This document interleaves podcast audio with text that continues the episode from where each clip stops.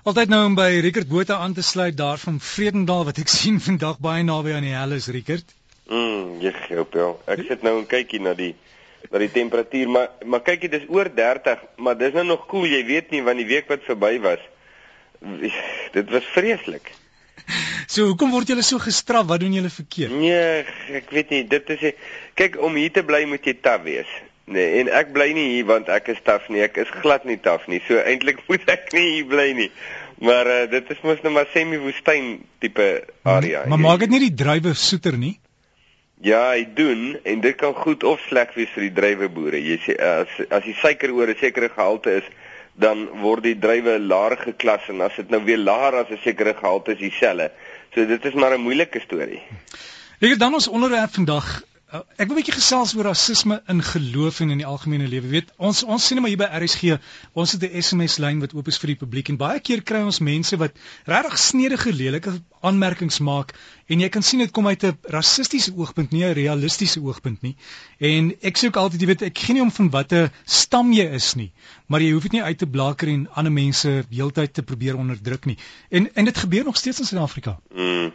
Kyk, Derek, jy gaan um, om die waarheid te sê gaan jy dit nie uitroei nie um wêreldwyd nie want haat en bitterheid en nait en afsydigheid en liefdeloosheid um jy weet kan jy nie uitroei met 'n kursus of met 'n met 'n ekskuus ek weet nie wat se Afrikaanse woord is met 'n kampanje nie jy weet ons loods nou 'n klomp advertensies op televisie en ons hou 'n klomp seminare en dan gaan mense nou liefdevoller word. Jy weet hierdie ding is ingeets in 'n mens se natuur en as God dit nie verander nie, dan bly jy dieselfde.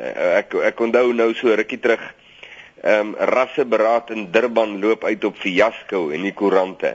Jy weet dat selfs selfs ons ons pogings, jy weet op hoë vlak om mense te versoen en bymekaar uit te bring en, en hierdie verwoesting wat weet onder ons lede is in ons lede werk ehm um, te kanselleer uh, loop uit op niks nie. Jy weet is is ook verwoesting op sy eie. So ons is in 'n penarie. Maar wat erger is is dit is wanneer mense ehm um, dit wil begin regverdig om te sê dat God sê jy moet rassisties wees. Uh en die oomblik as hulle dit sê, jy weet dan dan uh, dan sê hulle nou God is eintlik verantwoordelik vir liefdeloosheid want dit is sy plan dat mense rassisties moet wees. Nou rasisme beteken maar net bloot ek dink ek is beter as jy of jy's minderwaardig aan my omdat jy van 'n ander ras is as ek. Dis wat rasisme. Dis die kern van rasisme. So ek ek oorloof myself sekere dinge teenoor jou, sekere uitsprake, sekere aksies, sekere dade, sekere minagting oorloof ek is regverdig en reg en is niks aan my verkeerd nie omdat jy dan nou van hierdie ras is anders as ek. Ek sien jou as 'n as 'n untermens. Jy weet jy's jy's nie 'n mens nie, jy's nou substandaard. Ek natuurlik is die absolute ehm um, jy weet definisie van van waarde en van menslikheid. Dis dis die ander verskriklikheid, jy weet.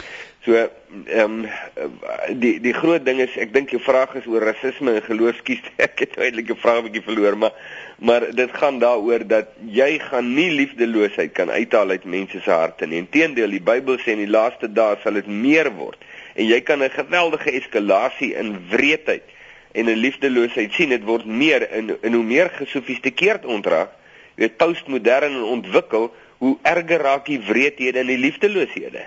So tensy God dit uit jou hart gaan verwyder, Derek, is daar nie hoop nie. Ek weet daar daar's vir my amper 'n onverdraagsaamheid en ek weet ja, mense het baie keer met rede. Hulle hulle paai is vol slaggate, jy weet die die krag word afgesit. Daar's nie water op die dorp nie, seker goed. Dan wys hulle vingers, maar ek sê altyd jy moet proaktief betrokke raak want ons het 'n brein om te dink en jy weet waar die probleem is. En as jy nie van jou stoel af klim en, en werk maak daarvan, gaan dit nie beter word nie. Maar dit help nie om net daar in jou leunstoel te sit en en SMS'e te stuur of aanmerkings te maak nie, want dit verander nie die situasie nie. Ja, jy sien, dankie. Dis nou 'n mooi ding daai, want ons ons soek iets om te blameer en daar is baie goed om te blameer.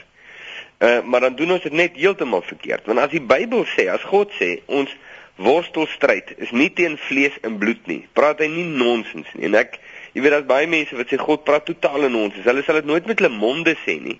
Intendeel hulle sê dalk nooit dis die waar nie, jy weet, God praat die waarheid en sy woorde is gelouter soos goud, bla bla bla, maar hulle lewenswyse sê dat hulle dink jy weet van die oggend tot die aand dat God weet glad nie waarvan hy praat nie, soos as as die skrif sê Ons worstelstryd is nie teen vlees en bloed nie, maar teen die owerhede en magte in die lig.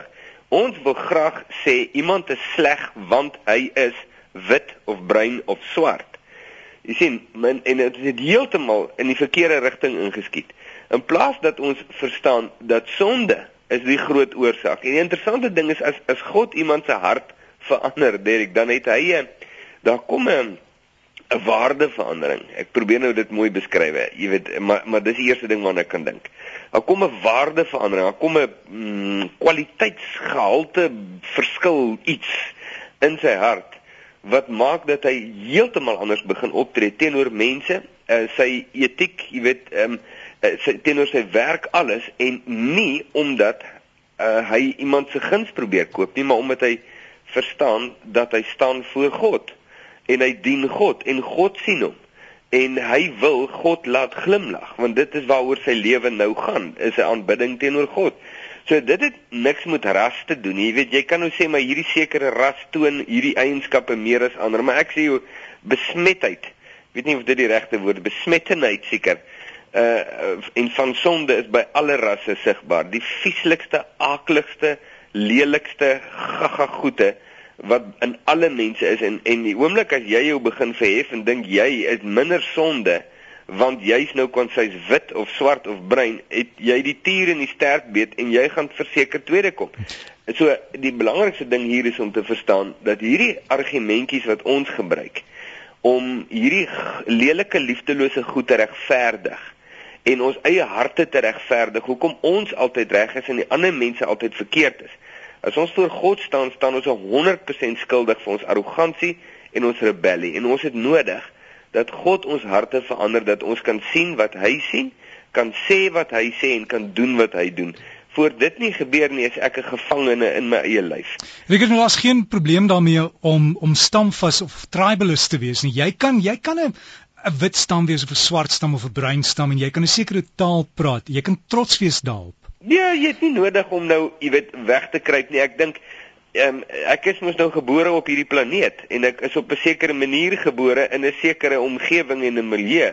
Ek kan nie dit ontken nie. Jy weet, ek vir my hele lewe lank wou ek baie graag brein brand. Ek wou tan, jy weet. Maar hierdie wit velletjie van my kan glad nie tan nie. Ek word pink en dan word ek weer wit. Die punt is dis wie ek is. Ek kan dit nou nie verander nie. Uh, en dit is nou so. En ek is nie minderwaardig aan iemand omdat ek nou so lyk of meerderwaardig omdat ek so lyk dit is hoe ek lyk. Maar maar hier's die ding. Wie daar staan in Kolossense Derek dat dat net in Christus is dit moontlik dat hierdie liefdelose wetywering en grense tussen mense word verwyder. In Christus word dit verwyder. Paulus sal byvoorbeeld skryf en sê daar is nou nie meer Jood en Griek en slaaf en vryman en hy gaan so deur al die skeidinge, jy weet, sosiale skeidinge en etniese en politieke skeidinge. Hy sê dis in Christus bestaan dit nie meer nie. So daar is 'n bepaalde vereniging wat in Jesus plaasvind wat baie belangrik is. Is nou nie hierdie wêreldse pogings om mense nou te dwing om nou almal, jy weet, so half kleerloos op te tree nie. Dis nie dit nie. Ehm um, maar dis iets dit gaan met verlossing en genesing gepaard. Maar ek is week, is jy heeltemal reg. Maar ek is verseker nie beter as iemand anderste. Uh wat nou nie soos ek is nie. Dis 'n leuen van die Satan. Ja, ek het ek het as kind altyd gedink daar's verskillende hemele, jy weet, met die mense in verskillende plekke begrawe, jy weet, daai groepie en daai begrafplaas gaan 'n ander hemel toe as die ander groep. ja. Ja, ek bedoel, jy weet ons praat oor rasisme, maar praat jy maar net van verskillende kerke, nee, dan praat jy van jy weet uh, ek weet nie wat is dit nie, kerkismus. Jy weet dan praat jy van 'n isme van 'n heeltemal ander aard. Dit is dieselfde siekte, dit is dieselfde besmetting.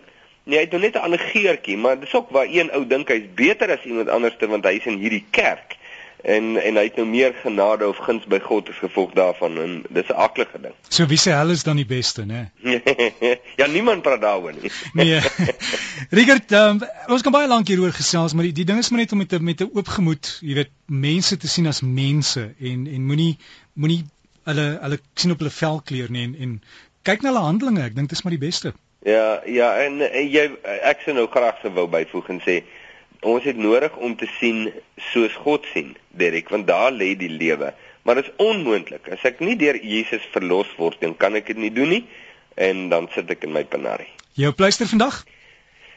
Ja, ek um, kom ons miskien by daai ene ons sê dat ehm um, dat dat in Christus, kom ons sê net dit, dit is nog ons my kosbaar daai.